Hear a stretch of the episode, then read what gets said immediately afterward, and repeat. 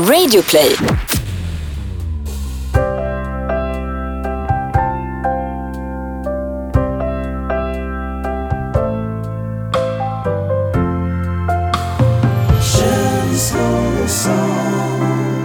Då var vi äntligen tillbaka, säger, säger vi, till det, ja vad är vi ens uppe i nu? 64 om jag räknar rätt. Avsnitt, wow, pensionsålder.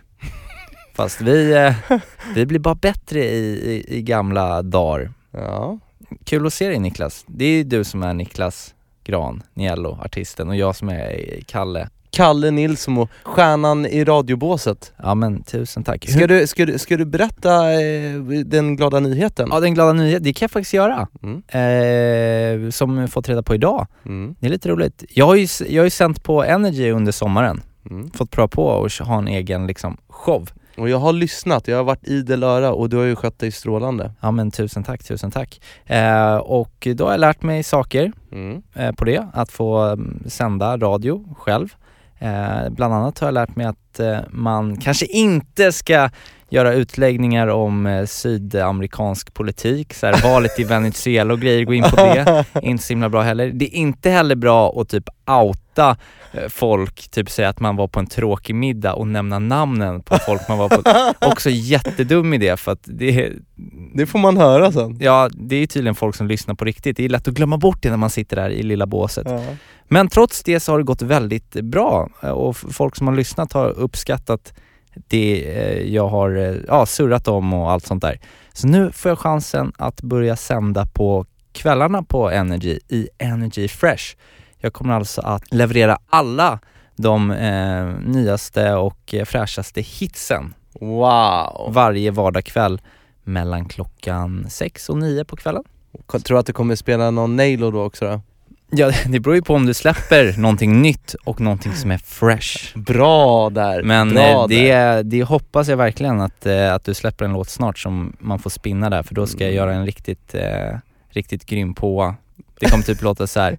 Du lyssnar på Energy Fresh och här kommer han, killen med pocken på, på hovet eh, som alltid är naiv och dessutom sket han på sig en gång i Andorra. Men nu kommer i alla fall hans senaste låt. Nailo, jag menar Niello. Vet du vad, jag tror att du kommer göra det jättebra. Jag vill ge dig en liten, liten golfapplåd för ett steg i rätt, rätt riktning. Alltså tro mig min goda vän, du kommer ta över världen så småningom. Golf clap? Golf clap. Men du, jag är jätteglad för din skull. Ser du någon skillnad på mig idag då? Ja, du ser ju fresh ut och stark. Mm. Hjälp, alltså vad hände med Barbara som brukade, som brukade lufsa in i studion? Nu ser man ju någonting som, eh, du har gått från en stor magruta eller maggösse till eh, ett par rutor på magen där och Mm. eh, någonting som liknar en bicep eller bicep. Ja. Jo men jag har ju varit och gymmat. Har ju, har ju tagit mig i kragen, jag har en app på datorn så jag Jaha. ser hur många steg jag går, hur långt jag går varje dag. Jag, vet du hur mycket jag snittar? Berätta. Över en mile min goda vän. En American mile eller en, en mil. okej du går en mil om Jag dagen? har gjort, eh, och jag har eh, då alltså börjat gå till gymmet igen och det här var ju ett tag sedan. Men nu har jag börjat skärpa till mig igen och det känns fantastiskt bra.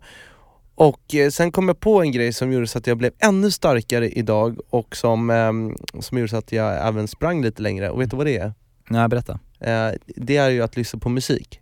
Aha. Jag har inte gjort det så mycket innan, jag, lys- jag lyssnar bara på det som eh, Sats spelar i monitorerna och Just det, det är inget bra ofta. Jag tycker inte om den musiken. Det är typ såhär Vigiland Friday night. Ja, Så mycket dum, så. dum. Och jag, jag diggar det inte. Så jag tog faktiskt eh, tag i problemet och gjorde en workout-lista. Eh, Wow. Där jag proppade in massa låtar som jag blir pepp av. Och det var ju en upplevelse, för jag satt alltså med det här i säkert två timmar i morse. Plöjde gamla låtar och listor som jag hade och jag blev så glad av vissa av de här låtarna för att det väckte någon sjuk nostalgikänsla. Och jag har inte haft det på väldigt, väldigt länge. Och kan du gissa vilka låtar det var?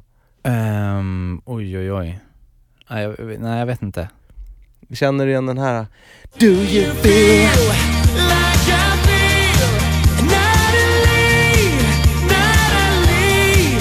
Det är klart, Ola Svensson. Ah, Han bor ju här i närheten, jag brukar se honom ibland gåendes med en typ pizzakartong så här. Ja, Jag tror han gössar på rätt bra. Är det sant? Ja. Fy fan vad göss. Sen, sen också en annan låt som jag både blir glad av och som fick mig att springa de där extra kilometerna på löpbandet och lyfta lite lite mer än vanligt. Vet du vad, vilken låt det var? Nej. Get physical tonight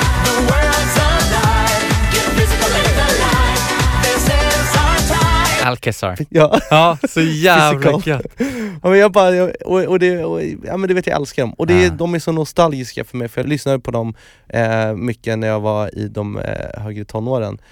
Men jag tänkte fråga dig om, om, eh, om du har några sådana här eh, låtgössar som väcker någonting, minnen eller någonting i dig och är det några som du blir glad av? Ja, som jag blir glad och gillar att nynna på. Mm. Eh, men det har jag ju, alltså jag har ju en som har hängt med mig eh, hela livet sedan jag var litet barn. För att eh, min, eh, och det är från min pappa eh, när han stod på landet på somrarna Mm. eller i köket då och då. Det var inte så ofta. M- Mamma som fixade den godaste maten. Farsan brukade göra sån här, ah, Hulsi Bulsi. nej, vet du vad han gjorde? Så vi- vidrigt. Alltså falukorv i ugn. Ja, jag hatade det också! Som man snittar upp, lägger äppelskivor, senap och så in med den och så, så potatis, eh, kokt mm, vinterpotatis till den som man mosade.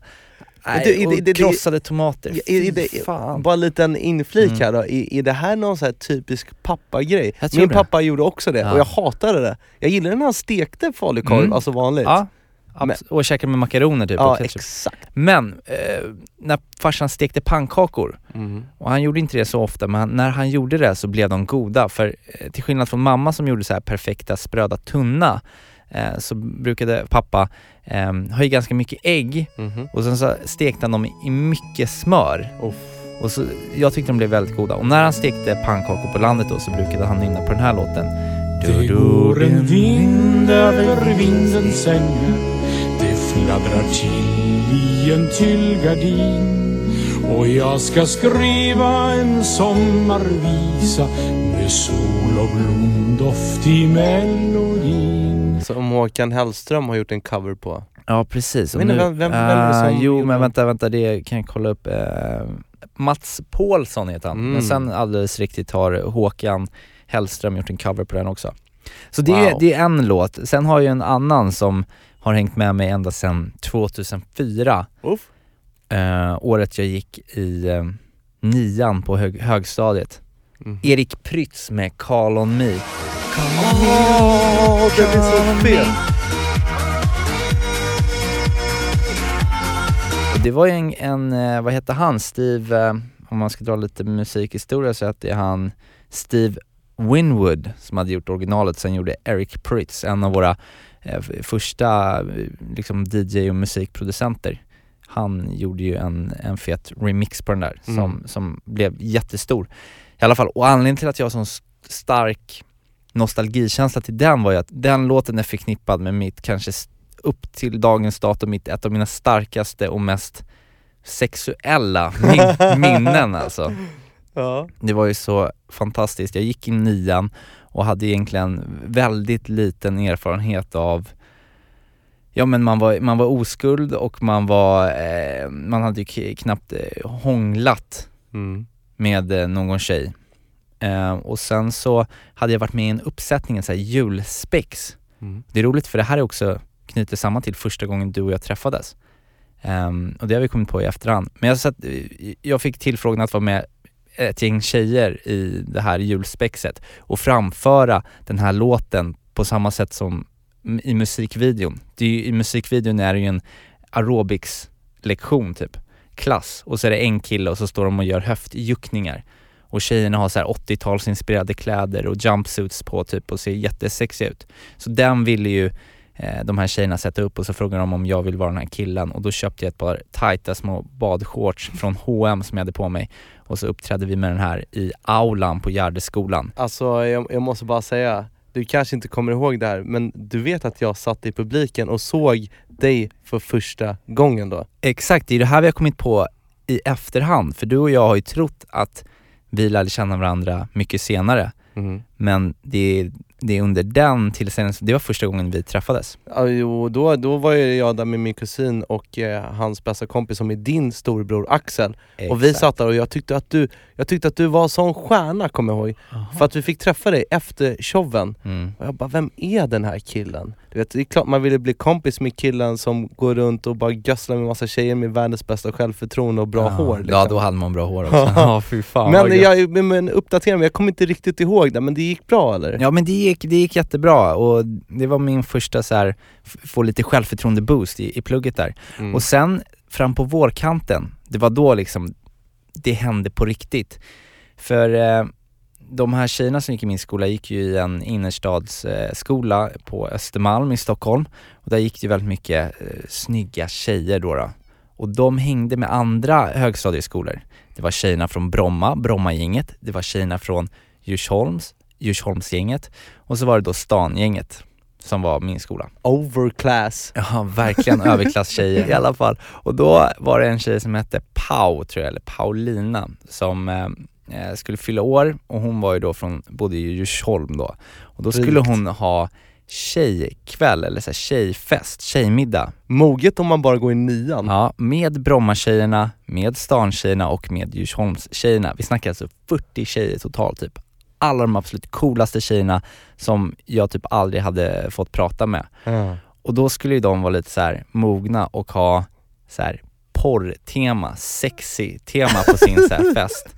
Och de skulle alla gå runt i så här, eh, lite sexiga kläder och eh, ha så här, ja men köpa in dildos och eh, What? ja, jag vet, det låter så konstigt att prata om när Nian? Ja men vad var man, 15, 16? Och så här Spanish fly, någon sån här, som skulle man göra en lite upphetsad så skulle de väl sitta och, och typ, inte vet jag, snacka killar och grejer. Men i alla fall så hade de bestämt sig att de ville överraska den här tjejen med att hyra in en strippa. Mhm. Eh, och då fick jag frågan. Jag blev ju såklart jätteglad. Men vänta, hur, hur kom, var detta tack vare att du hade då gjort den här me-grejen Nej, innan? Ja, men så här var det. Egentligen så frågade inte de mig först, utan jag, det här fick jag reda på senare, men jag var typ fjärde, femte namnet på listan. För först hade de frågat Agge, som gick i ettan på eh, gymnasiet på Östra Real. Är det en August? Ja, han hette August liksom. Eh, den lite snyggare August och han hade långt så här, hå- hår, backslick och bra kropp, du vet så här, lite Eh, lite framme i puberteten där. Eh, Ja. Hade muskler och, och spelade liksom fotboll och allt sånt. Wow Eh, han hade sagt bara nej det tänker jag inte göra så här. Då hade Mm. de frågat nästa kille, han hade också sagt nej och nästa kille, han vill inte heller, det är pinsamt att gå och strippa liksom. Ja. Då hade någon kommit på, men kan vi inte fråga han typ Kalle då, han som körde den där julshowen Call on me, han kanske kan göra det. Ja.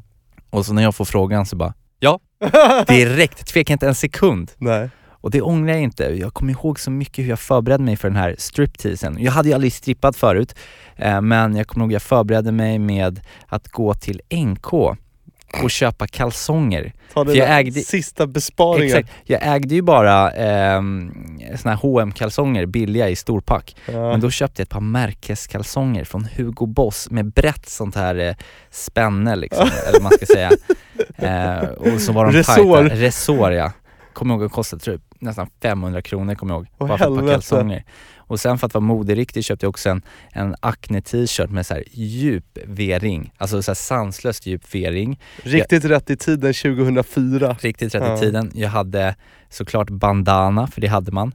Eh, jag hade jeans från Nudie Uff. som jag klippte sönder för att man det var inne med trashade jeans. Och sen hade jag ett stort bälte från J Lindeberg, vitt Och med, fy fan, det kommer jag ihåg, det var väldigt eh, hett det var väldigt hett. Oj oj oj, och det hade, vilket, vi- vilket kit! Ja, och som det pirrade i min lilla mage när vi på väg ut till Djursholm eh, åkte ut med de här stantjejerna, så fick jag gömma mig i buskarna och en av tjejerna, Emma, kom ut och eh, matade mig med lite häxa.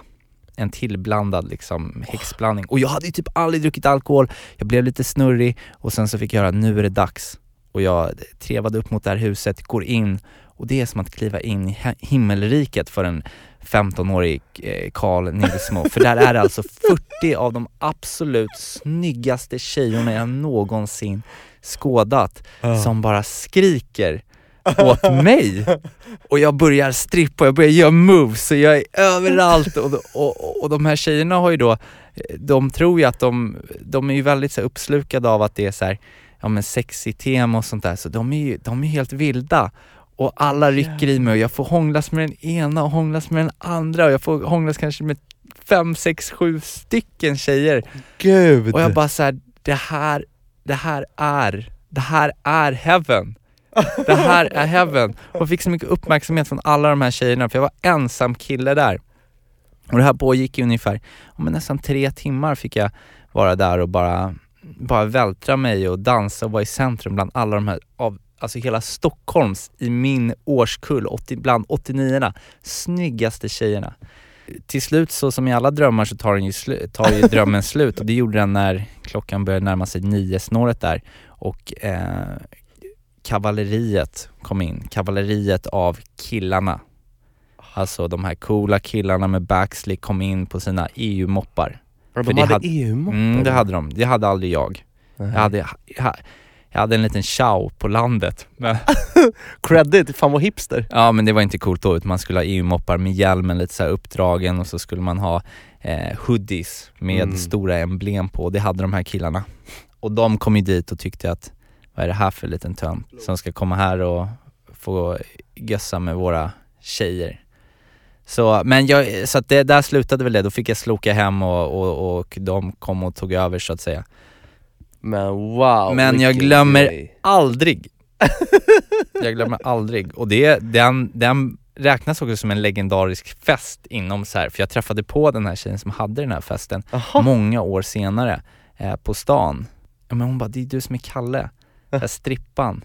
Ja det pratas fortfarande om den legendariska festen i Djursholm.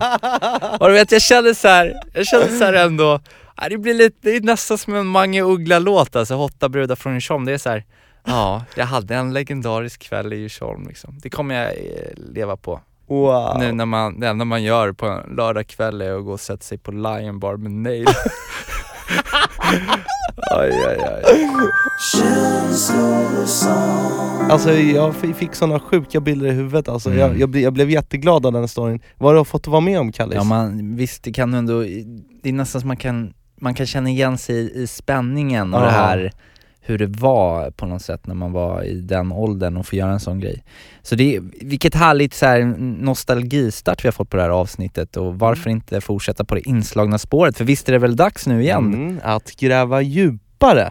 För eh, nu hade jag tänkt att eh, gräva så pass långt ner att jag kommer ner igen i ålder. Ja men eh, visst pratar vi nu om din musikresa, Nielos musikresa? Oh, en, ja. en ganska så, en fortfarande färsk punkt, det här är väl tredje, tredje avsnittet av den, eller man säger, tredje gången Ja. du kör? Och första avsnittet berättade jag ju om sommarshow första gången jag stod på, eh, på scen ute på landet. Mm. Eh, I förra avsnittet så berättade jag eh, kort om första gången som jag blev eh, introducerad till eh, hiphopmusik Ja. och fick höra det. Mm. Och idag, då ska jag berätta om eh, första gången som jag faktiskt skrev en raplåt. Wow. Och för alla er som mot förmodan har missat det så gör vi den här resan lite för att Niklas är ju artisten Niello sedan fem år tillbaka och nu ska vi då få hänga med i hans, eh, ja, men, hans historia, hans resa. Så låt oss ta upp taktpinnen och kicka igång vignetten till Niellos musikresa!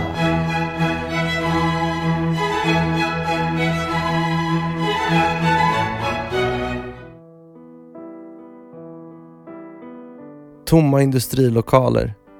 Bodde intill sidan av dem. Det här var mina gator. Flying without wings på radion. Vi var nians bal. 95ans pizzabar. Irma Solarie ville ha Paulini 9A. Jag var 13 år gammal och skulle börja vårterminen i en ny skola. Min familj hade flyttat till Habo. En fin liten tätort som låg 20 minuter bort från Jönköping. Det fanns en skate-ramp, fotbolls och beachvolleyplaner och mängder av bönande Yamaha DT-mopeder och EPA-traktorer nere vid rondellen. Mina nya klasskamrater var antingen intresserade av motorer eller av sport. Men det som förde dem alla samman var faktiskt kyrkan. I lilla Habo hade vi minst tio kyrkor och det kändes som att det stod en kyrka i varje gatuhörn. Detta hade på något sätt påverkat jargongen i skolan. Mina nya klasskompisar var mycket snällare än vad jag var van vid sedan Malmötiden och jag blev snabbt ganska populär. Jag älskade uppmärksamheten och jag blev ihop med skolans snyggaste tjej. Dessutom fick jag en förfrågan om att claima huvudrollen i den årliga spexmusikalen. Mitt självförtroende visste inga gränser och jag tackade självklart ja. Hybris. Men sen kom då vändpunkten. Det var en onsdag och musiklektionen hade precis börjat. Vi hade en testa på-dag, vilket gick ut på att vi skulle prova alla instrument i musiksalen. Jag visade upp mina skills på trummorna, spelade Row Row Row Your Boat på gitarr och sen var det dags för det som jag hade väntat på så länge. Sången i mickbåset. Jag hade aldrig stått vid en mikrofon tidigare, men det kändes mäktigt. Jag valde att sjunga låten Fångad av en stormvind med Carola. I slutet av lektionen spelade musikläraren oväntat upp min Carola-inspelning inför hela klassen. Och det var det värsta jag har hört. Jag skämdes så fruktansvärt mycket för min röst och de falska tonerna och det tog på riktigt tio år innan jag öppnade munnen och försökte sjunga igen. Efter att jag hade gråtit ut var jag tvungen att tacka nej till huvudrollen i musikalen på grund av söndertrasat självförtroende. Men jag hade ändå en dröm om att få stå på scen.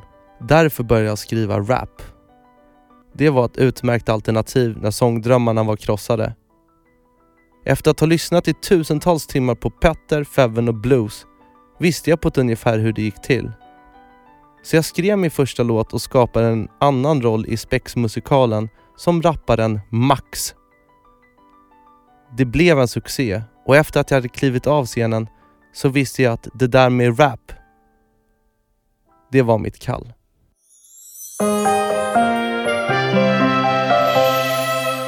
Fan vad fett, det här har inte jag hört alltså. Nej. Det var första. Rapparen Max. Det var lite dumt för jag, hade, jag, jag vet att det finns en gammal inspelning på det här men jag, jag, kommer, jag kommer inte riktigt ihåg texten, annars skulle jag ha rappat den här framför dig nu. Men det var ungefär så här.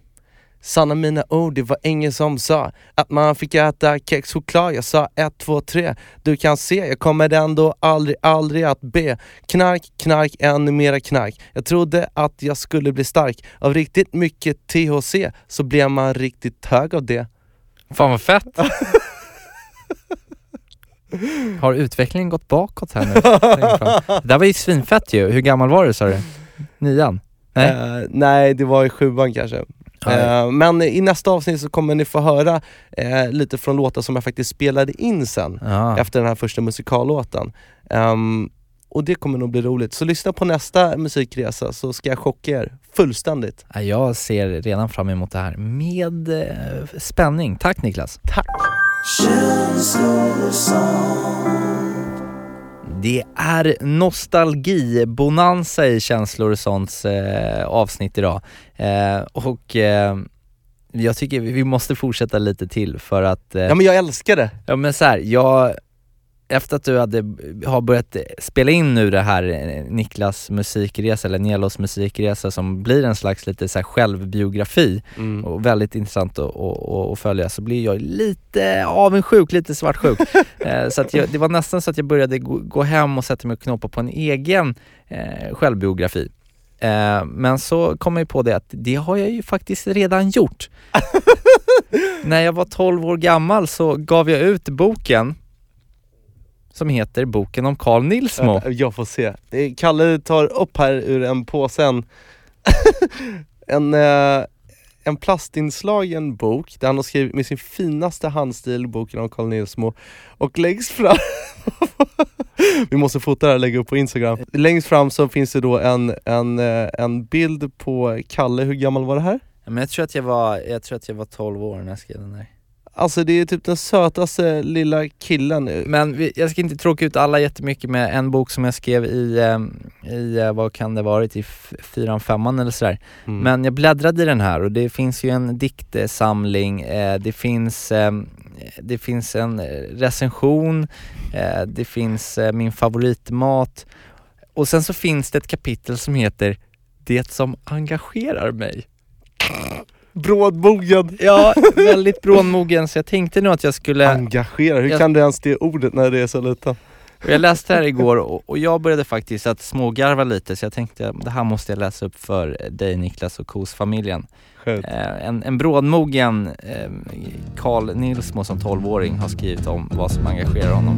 Mitt i stan bor en kille som heter Kalle. Kalle har ett träd som han kallar sitt eget. Han ligger där uppe och drömmer och fantiserar om allt möjligt och om Emma. Det som engagerar mig mest av allt är alla de orättvisor som finns i världen. Varför ska vissa människor behöva svälta medan andra kan äta och ha det bra? Varför ska vissa människor behöva bo på gatan eller på en soptipp medan andra människor bor i stora villor där de kan vältra sig i överflödig lyx? Detta är frågor som jag ställt mig många gånger och som jag har haft svårt att hitta svar på.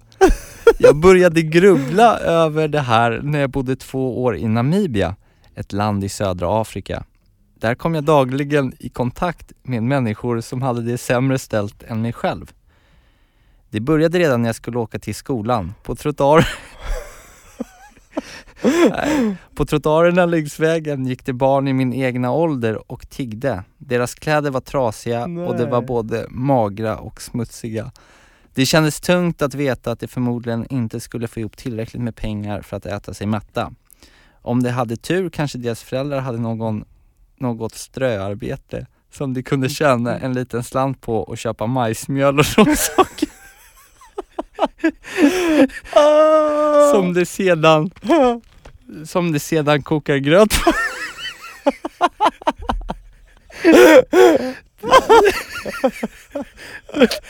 Det som ändå fascinerade mig var att dessa människor som bodde i smutsiga kåkstäder alltid kom rena till kyrkan på söndagarna. Efter att jag flyttat tillbaks till Sverige förstod jag vilken liten klick av alla människor i världen som har det så gott ställt som vi har det i Sverige.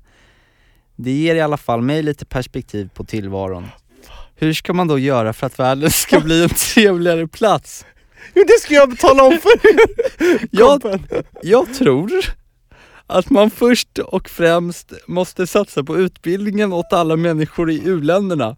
Sedan tror jag att man bör sk- skippa tullarna så att u-länderna kan handla och sälja varor till i-länderna. Gör man detta så tror jag att industrierna utvecklas vilket leder till flera arbetstillfällen och så småningom så kan u-länderna också utvecklas till i-länder. Nej du skämtar! Och- Alltså en liten du låter ju som en, eh, en dip- diplomat som sparkar in doktigt öppna dörrar liksom. ja, men... Hur, hur, jag, jag fattar inte. Men det roliga är att jag har skrivit det här när jag var väldigt liten så det är ändå eh, väldigt välskrivet för att vara en, Ja, det är ju helt sjukt en, alltså. lit, en liten gobbe. Men det är också så att jag slänger mig med ord här som jag knappt idag vet vad det betyder, U och I-länder. Eh, men, men det här är jag hör ju att det här är saker som jag har hört att min eh, pappa har sagt. Eftersom min, min, min pappa är, är diplomat och vi bodde i hela familjen när jag var eh, mellan 9 och 10, 11 år i Namibia och sen så Ja. flyttade jag hem och då skrev jag den här boken om mig själv då. Jag tar upp saker som engagerar mig. Och det är inte meningen att skratta, jag skrattar ju inte åt det här jag skriver om utan hur det är skrivet av en liten gosse liksom. Ja, nej det är, det är samma här, jag, det är helt, jag, jag kan knappt förstå att det är lilla Kalle som har skrivit det här, det är, det är rörande. Boken om Carl Nilsmo snart i en eh, bokhandel nära dig.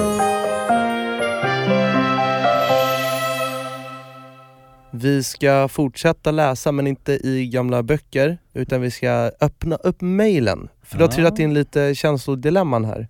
Känslor och sånts brevlåda. Mhm. Och det ska vi ändå säga innan vi börjar läsa här att har ni något dilemma eller någon fundering kring någonting eller bara vill ge oss lite skönt beröm så får ni hemskt gärna göra det. Och mailadressen vi har är kanslor och sant at gmail.com. Då har vi fått in ett mail här då från en tjej som heter Amanda. Hon skriver Hej underbara känslor och sånt. Först vill jag bara informera om vilket extremt bra jobb ni gör och vilken glädje ni sprider med era avsnitt varje vecka. Aldrig skrattat så mycket som jag gör. med er i hörlurarna. Tack. Och vi blir jätteglada. Mm. Men, jag har ett problem som jag hoppas ni kan hjälpa mig med. Kosfamilj som vi är. Jag har börjat träffa en kille som är cirka fem år äldre än- än vad jag är. Redan på första dejten klickade vi. Vi skrattar, skojar med varandra och har det bara allmänt gössigt ihop. och det känns som att vi har känt varandra hela livet. Två dagar in i dejtandet släpper han bomben. Han har barn. Okej tänker jag, inte hela världen kanske. Jag kan få, få det här att fungera. Vi har träffats nästan varje dag de senaste veckorna och livet har rullat på. Tills häromdagen när jag får reda på att han är gift. Och det här får jag reda på inte för att han berättade för mig utan för att han har glömt att plocka undan posten hemma. Jag, få, jag konfronterade honom med det och frågade varför han inte har berättat. Och då säger han, jag vet inte och jag, jag har inte vetat hur jag ska säga det. Vi har ju separerat och ska skiljas, svarar han. Sedan dess har jag dragit mig tillbaka och jag vet inte alls vad jag känner längre. Har fått reda på att det kommer dröja minst sex månader innan skilsmässan är slutgiltig och detta är inget han ens berättat för mig. Vill inte bli sårad och jag vill inte börja falla för någon som kanske fortfarande har ett liv med någon annan. Hade han berättat detta från början hade det säkerligen inte varit samma stora sak. Men att dölja en sådan stor grej har tagit på mitt förtroende för honom. Hur ska jag göra? Överdriver jag? Och hur hade ni underbara känslograbbar gjort i denna situation? Kramar en väldigt förvirrad tjej. Det förstår jag att, att hon är förvirrad. Och jag tycker för det första att hon absolut inte överdriver. För det är ju en ganska, eller en väldigt ändå stor sak. Mm. Eh, om vi börjar där med det faktum att han fortfarande har barn.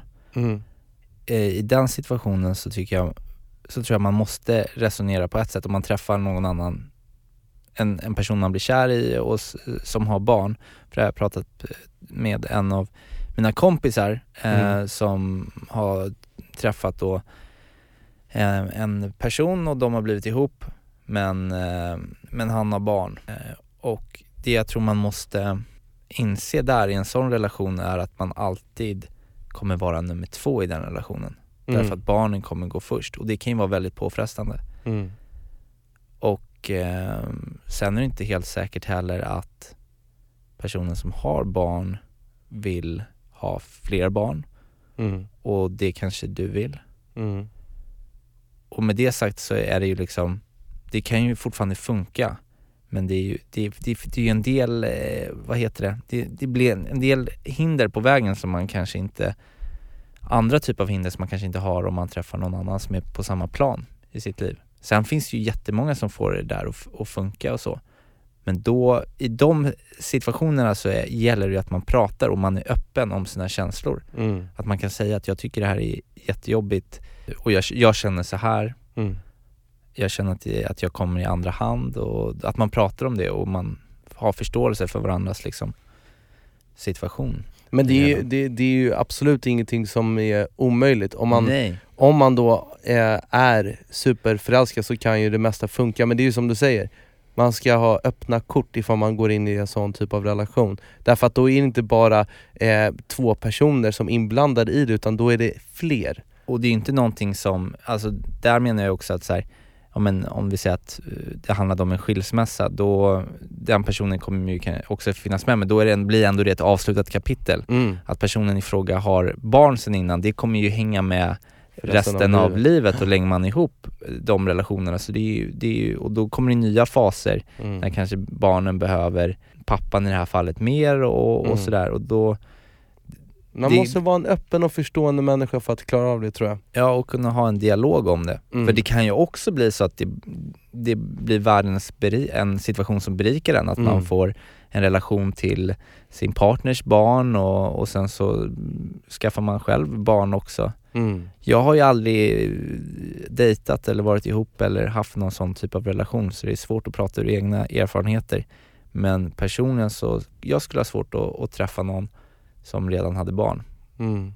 Ja, det skulle ta emot för mig också, men om jag skulle verkligen tycka om den personen så skulle jag omfamna barnen eh, till fullo och försöka bli en del liksom, av den familjen.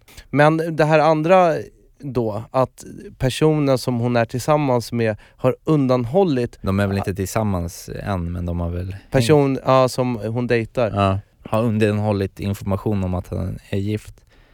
Ehm, och där kan man väl tycka att han gör ett fel. Ehm, Ja det är ett jättestort fel. Ja, men, men han kanske har tänkt som så att om det är som att han faktiskt säger att han är på väg att separera och så gillar han den här tjejen då som har skrivit Amanda Mm. och så vill han inte att, att det ska sabba. Mm. Ehm, men så har det kommit fram ändå då, då och då har det blivit lite fel. Det hade väl varit bättre om han hade berättat men han kanske tänkte då att då kanske jag skrämmer iväg henne. Mm. Och nu har det blivit lite kaosigt där liksom. Nej men jag, jag, jag tycker att eh, han har gjort jättefel.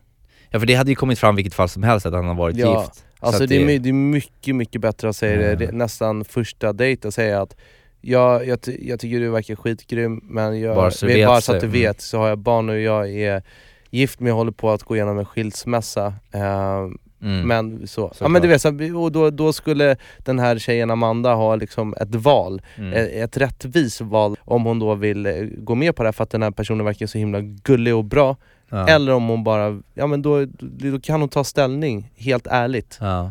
Ehm, Och det har hon inte fått möjlighet att göra, så nu när det kommer fram så blir det såklart en jättechock Och förtroendet fuckar ju upp då Men hur tycker du att hon ska gå vidare då? Tycker du att hon ska ge honom en, en till chans? Och försöka förstå varför han inte då berättar och gjorde det här misstaget? Det där måste hon rannsaka sig själv om hon kommer att, eh, om hon tycker att den här killen verkar så pass intressant så att hon är beredd på att eh, vara dels storsint och lyhörd och vad ska man säga, om att ta sig igenom alla de här hindren på vägen som kommer bli nu liksom. Mm. Eller om hon kanske inte, om inte det känns värt det, då tycker jag hon ska hoppa det liksom.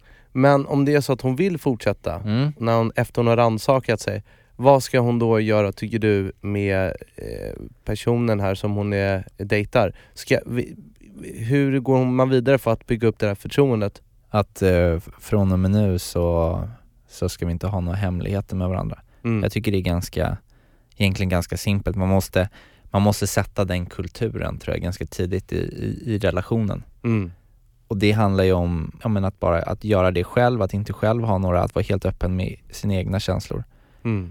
Och det där, att, att ha den kulturen har jag faktiskt för första gången fått lite erfarenhet av. För att sen jag blev ihop med Fanny så redan tidigt så har vi liksom, så var vi öppna med liksom våra känslor, var helt ärliga mot varandra. Bara rakt av med, med allting. Men det där är svår, lätt, svårare sagt än, än gjort, men jag tycker man bara ska Lättare sagt än gjort. Det där är svårare sagt. Ja du ser ju själv, varför ska Nu jag sitta här? in Ja, själv jag målar in mig i ett hörn. Experten. jag är ingen expert överhuvudtaget. Jag vet inte vad du ska göra, du får försöka eh, följa din magkänsla på något sätt. Jag tror Viktigt, det tror jag är viktigt. det tror jag är det enda man kan faktiskt. Kä- Så här, Amanda, känner du att han är ärlig när han försöker att förklara sig själv och att han dessutom verkligen vill kompensera och visa att han är en bra kille som inte ljuger om saker och undanhåller grejer. Om magkänslan säger att det är helt rätt att gå vidare, så gå vidare med honom. Mm. Annars så slänger du honom i soptunnan och säger hej då. Hej då. Det var roligt igår när jag kom in på kontoret här på radion. Mhm. För då satt Peter Borossi vid sin plats och klinkade på datorn. Och han hade köpt ett par nya eh, glasögon, läsglasögon. Jaså? Och du skulle ha sett, alltså, eh, de var så spexiga. De var helt limegröna. Och så här eh, smala, eh, små som Elton Johns. Åh gud. Borossan har gått in i modeträsket. Ja, han hade köpt dem på Hemköp för 10 riksdaler sa han. Men han rockade dem. Och han rockade dem lika eh, mycket som han rockar eh, sin punkt som Mm. han har i vår podd varje vecka. Wow. Vi pratar förstås om en lugn stund. Med Peter Borossi. En lugn stund med Peter Borossi. När jag som vanligt var ute och gick och gjorde min morgonpromenad i skogen den här morgonen så slogs jag av en tanke. Jag gick där i skogen och bara njöt av att bara vara i den friska luften. Men det var lite kylslaget sådär. Så kom jag till en glänta och solen strålar mellan träden värmde plötsligt mitt ansikte. Jag vet inte vad som flög i mig, men jag tackade solen för att, för att den gjorde mig medveten helt enkelt om att, att det var skönt. Hur många gånger är det inte man i livet bara lever? Alltså man upplever inte livet. När man är ett litet barn så tycker man när man har sommarlov, tio veckor ledigt, en hel evighet, det känns som man är ledig jämt. Men när man blir vuxen och har fyra veckor ledigt så tycker man att tiden går så himla fort. Och ju äldre man blir, desto fortare går tiden, tycker man. Men är det verkligen så? Är det inte så att bara ju äldre vi blir, desto mer måsten får vi och desto mindre hinner vi med att leva? Men vad är då leva? Jag skulle vilja säga att det är uppleva. Uppleva livet. Känna känslan av att vara precis här, just nu. Känna doften. Känna solen i ansiktet. Känna syret i lungorna när jag andas. Vi oroar oss så himla mycket för sånt som ska komma i framtiden och summan av alla oroenden, ja den är konstant. Försvinner en oro så kommer en ny till. Och det är just därför man måste kunna lägga sig åt sidan. Min fru brukar alltid säga, det löser sig. Och vet du vad? När jag räknar efter på alla grejer som jag tror aldrig ska lösa sig, så finns det inte en enda sak som inte har löst sig. Jag tror en sak. Att leva livet, det handlar om att uppleva livet också. Njuta av de där små sakerna och inte bara kämpa efter en massa saker. Att njuta av att vara här och nu. Och du? Prova på att uppleva livet du med.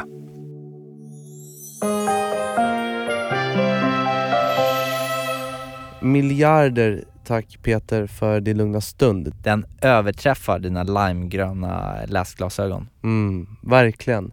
Ja, men nu, nu är man så här skön, spagettimjuk i armar och ben och eh, jag känner att inspirationsflödet har börjat sätta igång också i huvudet. Det är nu när man är så här lugn och mysig, är när man inte är på sin vakt, då är det lätt för någon att gå till attack. Ja, Och på tal om attack Niklas, så var vi på Energy i morse. vi har ju Känslor och sånt, eh, blev inbjudna till Vakna med Energy, eh, Energys morgonshow. Mm.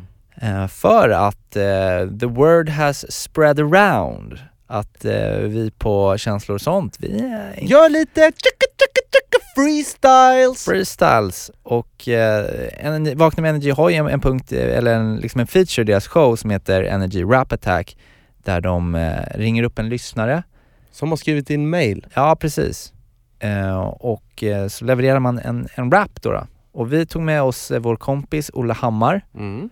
Eh, och så gjorde vi det. Och jag tycker, vi tycker väl att det blev succé. Vi, kan- ni kan väl, vi kan väl köra den här i podden också så att KOS-familjen får höra. Ja, vi kan väl smacka på den direkt. Det är dags för veckans freestyle! May I have your attention, please? May I have your attention, please? Will the real Slim Shady please stand up?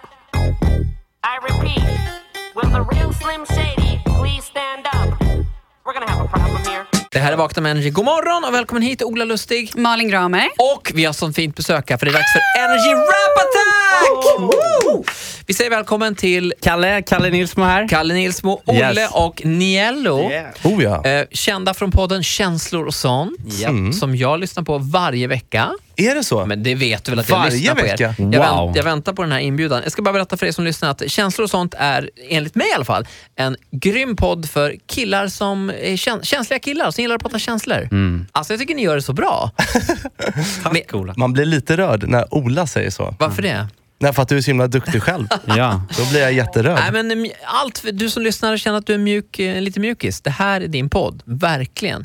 Eh, finns på Radio Play, eller hur? Jajamän. I Energy Rap Attack idag ska vi ringa till en kille som heter Tony och eh, Malin, du har mejlet. Ja, hej Vakna med Energy. Jag har ett problem. Har varit ihop med min kille i snart fyra år. Han är underbar men han älskar det goda livet. Han käkar pizza, hamburgare, dricker öl nästan varje Ah. dag och vägrar dessutom att sätta sin fot på gymmet. Jag älskar honom, Men hans levnadsvanor är fruktansvärt ohälsosamma. Han måste sluta käka skräpmat. Utropstecken från Det Jenny. här är ju optimalt läge Ja. för en Energy Rap Attack. Då ringer vi Tony. Ja, det var Tony. Hej Tony, det här är radioprogrammet Vakna med Energy. Hallå? Tony! Eh, det är så här Tony, att du är med i radio nu, så sköt ditt språk. Okej. Och vi har fått ett mail från din tjej. Jaha. You are in trouble. Ja, okej då. Ja. Lyssna på det här. Jo, jo, jo, jo! All right. Energy Rap Attack. Vakna med energy. Hej, Tony, Tony, hej. Let's go! Fan. Yeah. Jag vet du älskar på din nattmacka, pastan och din pesto. Pizzorna med kebab, ost och jalapenos. Portabello, burgaren och flingorna från Kellogg's. Formar i det långa loppet hela kroppen till en cello. Men du kan ändra dig, börja käka sallad. Trappa ner på take away för där när du handlar. Rör dig regelbundet och försök att träna axlar. Bye bye bye, vad skönt du kan bli Okej. en Tarzan Bydstar och pramen och Campari juice. Mot mineral, vatten, lemonad, ingen alkohol. När du vill till stan, spara in ditt SL-kort Ta en promenad längs havet, skippa magen. Edvard Blom. Jenny älskar dig till månen och tillbaks. Men sänk kolesterolet innan det får övertag. Tag. Allting är förlåtet om du ändrar på din mat. Aha. Bästa tränarbålen Tony, du har inget val. Tony skit i dubbelcheese och dricka cola Det är skräpmat, Hey! det är skräpmat Hoppa upp från soffan, skit i vin i lådan Okej. Det är skräpmat, Tony det är skräpmat. Jag vill inte se dig full en kväll på Dovas. Börja löpa eller kanske börja yoga. Tony skit i dubbelcheese och dricka cola. Vi säger, Det är skräpmat, Tony det är skräpmat. Oh, eh, oh. Det är skräpmat, Oh, eh, oh. det är skräpmat. Oh, oh, oh, oh. Det är Oh, skräpmat eh, oh, oh, Tony vad det är skräpmat. Tony, Tony. Ja. eh, håller du med om det här? Alltså, det var väl att ta i lite. Nu, visst, jag råkar sitta med en mums-mums i handen. Men jag antar att jag får ställa ner den då. Ja, ställ ifrån dig Eller stoppa den i munnen snabbt. Ingen ser något. Är det här starten på ditt nya liv? Jag antar att jag inte har så mycket till val. Ja, men det är bra! Bra! Härligt! Bra Tony! Skönt Tony. Då ska vi bara lägga upp en kostplan för dig. Eh, vi återkommer med det. Tack så mycket för att du var med i Vakna med Energy. Och tusen tack, mycket. Niello, Kalle och Olle!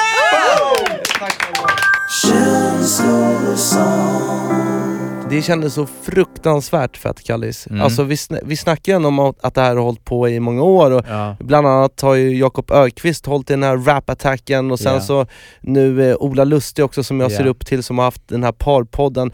Eh, skitmäktigt att få vara där och faktiskt få göra det tillsammans med, med sin bästis. Eh, Jag tyckte vi gjorde det grymt och Olle, vilken eh, Justin Bieber-röst han har alltså. Ja, helt magiskt. Så att, eh, vi hoppas att det blir fler gånger. Mm. Ehm, grymt. Och du Niklas, tack för det här avsnittet. Eh, tack till dig som har lyssnat och till er som har skrivit in eh, brev och eh, fina kommentarer och grejer till oss också. Det uppskattar vi. Mm, glöm inte att eh, rate oss på eh, podcaster. Ja, gör det nu. Vi ligger under typ kategorin samhälle och kultur och sen vi kom i den kategorin så ligger vi ganska långt ner placerade. Det tycker vi är Ah. tråkigt. Mm. Eh, Så ni får gärna gå in där och ratea på podcaster, så här, fem stjärnor så skriver ni att, eh, att eh, ja, vi är i alla fall inte sämst kan ni skriva. Ja. Eller någonting, för då, då kanske vi får komma upp lite i listorna där så det blir lite fnurr på den här podden. Mm. Mm. Känns väldigt bra att eh, runda av avsnittet nu Kallis. Och Ja. ehm, på tal om ingenting så sitter du i koakläder på dig idag. Mm. Du har ju din dress där som, som ser ut som lite koskinn. Ja det är väl, eh, precis, det är en eh, från våra kompisar Galagoware som Mm. har designat den här, som jag, är min eh, spexigaste outfit skulle jag säga. Mm. Och vet du vad jag tänker på när jag ser den? Nej. Jag tänker på de österlenska slätterna. Tänker på de fagra kussorna och grisarna och... Jag tänker på stranden, vågorna som rullar in och mitt i allt det här underbara så sitter min farfar. Och han sitter med en picknickkorg. Vad satt han med du? Han har picknickkorg. Picknickkorg. Ja. Ja. Och så tar han upp den lilla jäveln Varför gör du sådär med handen Niklas? Jag bara skakar lite. En osäker stadig hand Ja. eh, firar eh, livet och eh, ännu ett podcastavsnitt. Tusen tack för att ni har lyssnat och vi säger bara precis som farfar när han tar den här lilla rackaren. Vi säger hej då!